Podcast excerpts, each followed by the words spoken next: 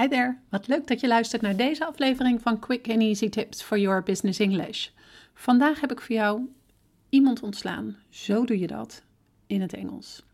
Mijn naam is Anneke Drijver van Improve Your Business English en auteur van het boek Master Your Business English Communicate with Power in 7 Simple Steps. Ik help jou als ondernemer of senior business professional van je middelbare school Engels af, zodat je ook internationaal met impact en vol zelfvertrouwen in het Engels kunt communiceren maar bovenal volledig jezelf kunt zijn.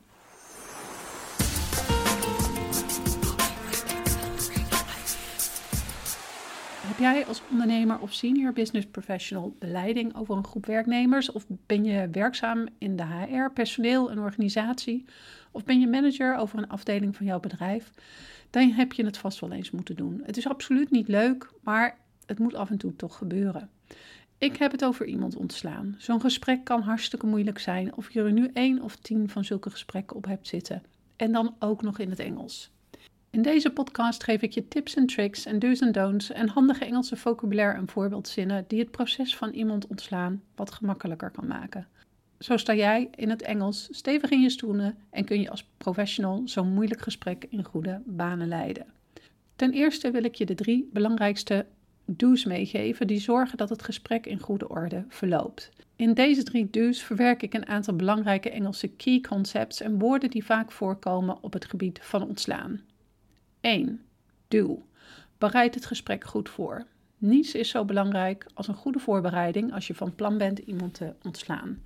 Neem de termination policy van je bedrijf goed door, zodat je op de hoogte bent van de concerning servants or notive arrangements, oftewel de betreffende ontslag of opzegregelingen. Maak een lijstje van alle company belongings die de persoon die je gaat ontslaan moet teruggeven, zoals een laptop, ID-badge, etc. En zorg ervoor dat je alle informatie die tot het ontslag heeft geleid verzamelt, zoals performance appraisals, written warnings en andere pertinent correspondence. Zorg er als laatste voor dat je een termination document voorbereid waarin je de terms and conditions van de dismissal, oftewel het ontslag, vastlegt. 2. Do. Hou het kort en bondig. Met de relevant documentation die ik zo net opnoemde, zou je het gesprek short and to the point moeten kunnen houden. Deze documenten leveren namelijk de reasoning and proof waarom je iemand ontslaat.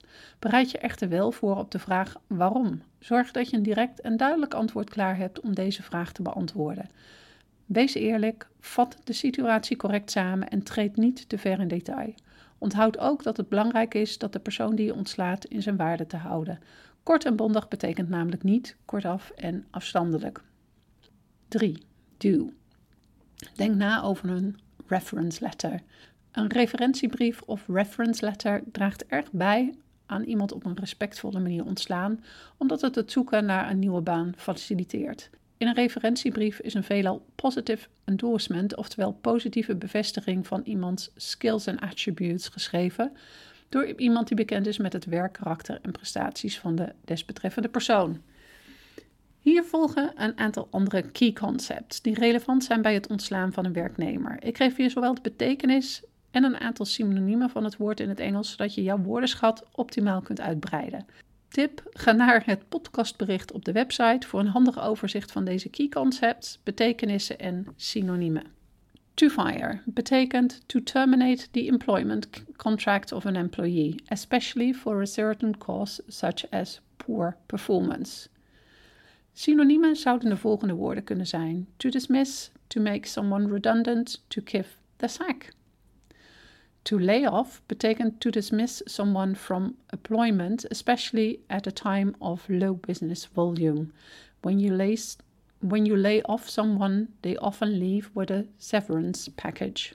Severance package betekent to pay benefits an employee receives when he or she leaves employment at a company. Synoniemen zouden de volgende woorden kunnen zijn: golden handshake, allotment, payoff, dismissal wage.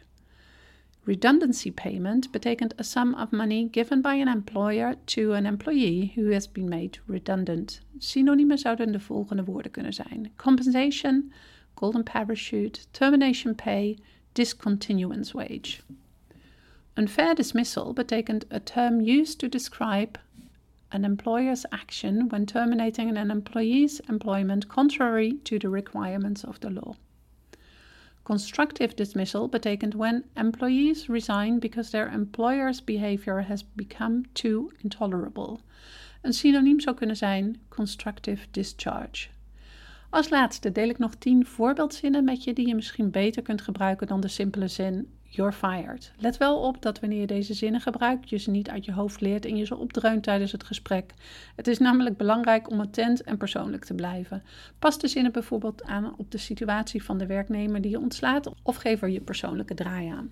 Unfortunately, we are letting you go. We think you would be better off working for another company.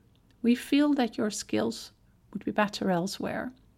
We are downsizing the company, so unfortunately, we have to end your employment. We are scaling back our workforce. Unfortunately, we are letting you go. We think you would be better off working for another company. We feel that your skills would be better elsewhere. We are downsizing the company, so unfortunately, we have to end your employment. We are scaling back our workforce. We are releasing you from your position. We are releasing you. We are releasing you from your position.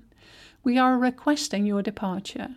We're discontinuing your employment. We're going through an employee transition and I'm discharging you from your role. Our budget cuts mean we can no longer afford you. Een werknemer ontslaan is natuurlijk nooit makkelijk, maar met de drie do's, de key concepts en de verschillende Engelse voorbeeldzinnen om iemand te ontslaan, die ik in deze podcast heb gegeven, sta je op het gebied van Engels steviger in je schoenen.